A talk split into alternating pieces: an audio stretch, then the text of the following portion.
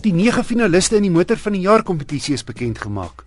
Altesaam 6 luikere: Renault Clio 900cc turbo, Peugeot 208 GTI, Audi A3 Sportback 1.4 turbo, Volvo V40 D3, Mercedes-Benz A45 AMG en die Volkswagen Golf 1.4 turbo.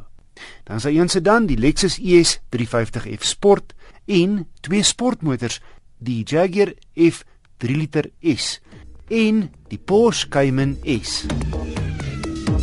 Twee Britte het 'n nuwe Londen na Kaapstad rekord opgestel in 'n Land Rover Discovery. Hulle het die meer as 16000 km deur 13 lande in 10 dae, 3 uur en 16 minute afgelê. Nie sleg nie, want kom jy nie betyds by 'n Afrika grenspos nie, wag jy vir 12 ure voordat jy die volgende oggend gehelp word. Die eerste Engeland na Kaapstad rekord is in 1933 opgestel. Toe het dit 158 dae geneem. Wêreldwyd het wit nou vir grys verbygeneem as die gewildste motorkleur. Sowat 'n kwart van alle 2013 modelle is wit. 'n Luisteraar, Bert Barenor skryf dat hy in 2009 'n Sangyong Chiron gekoop het. 2 jaar later pak hy ewenaar op. Na 'n lang gewag, laat weer die hoofkantoor hom dat hulle nie die onderdele kan identifiseer nie en dus weet hulle nie wat om te bestel nie. Bert sê dit nadat ek hele agteras plesie beskadigde parte na hulle geneem het. Uit radeloosheid word ek toe verwys na 'n privaat persoon wat ratte draai. Vat vir hom die stukkende parte en R15000 later gee hy toe vir my nuwe ratte. Maar 'n jaar later pak die ratte op en die kar staan weer. Laat in 2012 neem Mahindra vir Sangyong oor in Suid-Afrika en hulle sê vir R15000 kan hulle die kar regmaak. Maar Bert sal moet opdok. Nou vra hy, Het ek 'n saak teen hulle of moet ek maar uithaal en betaal? Ek het sy brief aan die ombudsman vir die Suid-Afrikaanse motorbedryf Johan van Vreden voorgelê. Hy antwoord: Die verteenwoordigers van Sangyong Suid-Afrika kan nie verantwoordelik gehou word vir meneer Barnard se kostes nie, aangesien hulle nie die voertuig aan hom verkoop het nie. Ongelukkig sal meneer Barnard maar weer die gekwoteerde bedrag moet betaal. Aldus Johan van Vreden, die ombudsman van die motorbedryf. Luisteraars, is welkom om enige motorverwante navraag aan my te rig deur te e-pos na wissel@rsg.co.za. Motorentoesiaste het nog tot môre om die indrukwekkende Johannesburg Internasionale Motorskou by Nasrek by te woon. Een van die trekpleisters daar is die Nissan Leaf, die eerste volle elektriese motor in Suid-Afrika te koop. 'n Elektriese Golf gaan volgende jaar volg. Al probleem, die Leaf se ryafstand is nie eens 200 km nie, so dis maar 'n stads- en pendelvoertuig. Jy het wel hibriede karre wat die beste van beide wêrelde probeer bied.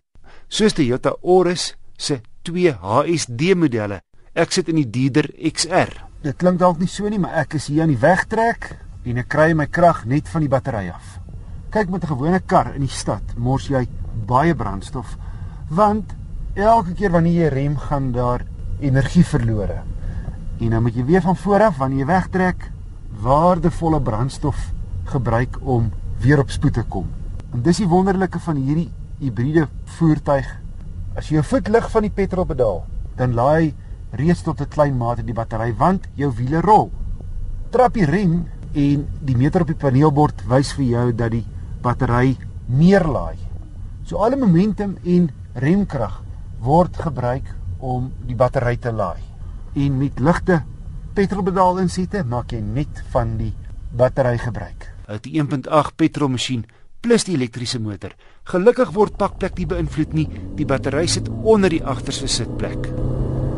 Sy 0.50 is baie vinnig want die elektriese motor gee onmiddellik al sy krag wanneer jy jou voet van 'n stilstand af wegtrap. Maar bo 'n 100 voel hy maar papperig. Trouwens, soos 'n doodgewone 1.6 kenmerkend van hierdie CVT radkas met die geringste opdraande. Styg die toere nogal vinnig, so alles of jy 'n onnodige laarrad gebruik om vordering te maak. Die nuwe Auris is vir my 'n aantreklike lykerig. Hy volg Toyota se nuwe korporatiewe styl. Ook binne volg Toyota 'n eenvormige ontwerp met die paneelbord. Soos ander nuwe Toyotas is die bokant byna so plat soos 'n pannekoek. En dan val die paneelbord byna 90 grade met ander woorde die instrumente en die hele konsole voor jou loop feitelik reg af. Dis so 'n klassieke aanslag. Deesdae lê al hoe meer gedeeltes van moderne paneelborde juis skuins byne so met 'n 45 grade hoek na die insittendes. Maar op 'n manier is hierdie 'n heel verfrissende ontwerp van Toyota.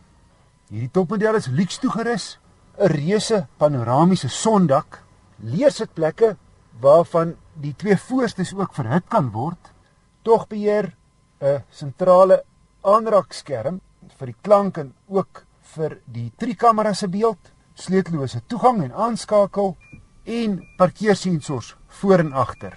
In plaas van 'n toereteller kry jy 'n meter wat vir jou wys of jy in die sogenaamde eco of kragmodus ry.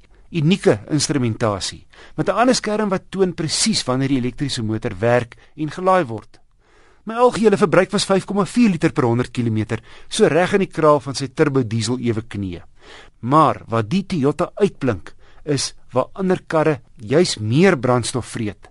In uitsluitlike stadsverkeer het ek 5,2 gemeet danksy daai elektriese motor. Die topmodel Auris is lyks en gerieflik. Teen R336400 kos hy min of meer soveel soos ander lykse turbo diesels.